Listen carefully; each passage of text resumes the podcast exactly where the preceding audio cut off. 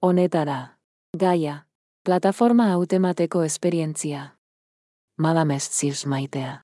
Beherakada kognitiboa eta Alzheimerra duten gaixo dauden pertsonentzako aplikazio bat garatzeko ideia hau pentsatu nuen. Ezaguna den bezala. Gaixotasun nagusiak, gainbehera kognitiboa, Alzheimerra edo beste gaixotasun batzuk dituzten gaixotasunak dituzten gaixoak. Pizkanaka pizkanaka gaitasun ugari galtzen ari dira. Ala nola epe laburreko memoria edo eguneroko funtzionamendua. Ideia da softwarea edo egoera honetako jendearentzat diseinatutako sistema bat sortzea.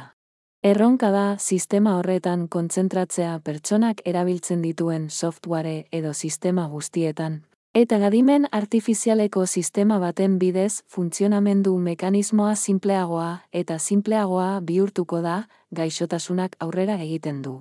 Jakina, sistema erabiltzen duen pertsonaren egoerarekin ahalik eta zehaztasunez egokitzen den moduan eraikitzeko. Ikertzaileekin, kognizioaren arloko ikertzaileekin eta neurologoekin lankidetzan garatu eta kontsultatu behar da.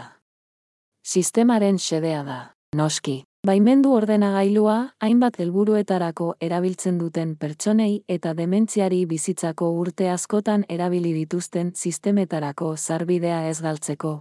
Horrela hobe haien bizikalitatea nabarmen. Hala ere, gaixotasunaren beraren sintomak direla eta. Orain arte ideia bera.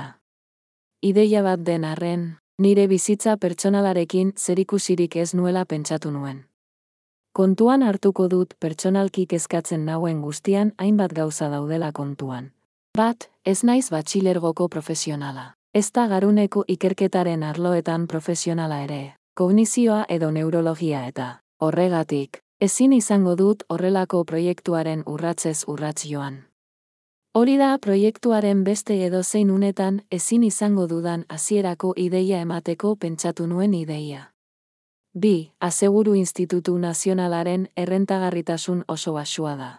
Hori dela eta, ez dut ideiarik gauzatzeko aurrekontuetan inbertitzeko gaitasunik.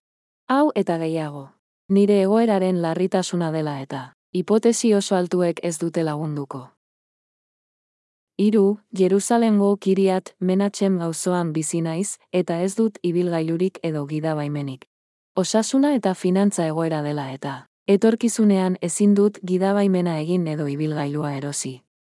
Hori dela eta, bizina izen lekutik oso urrun dauden enpresen bulegoetan, aholkularitza zaioetara joateko gaitasuna ez dago.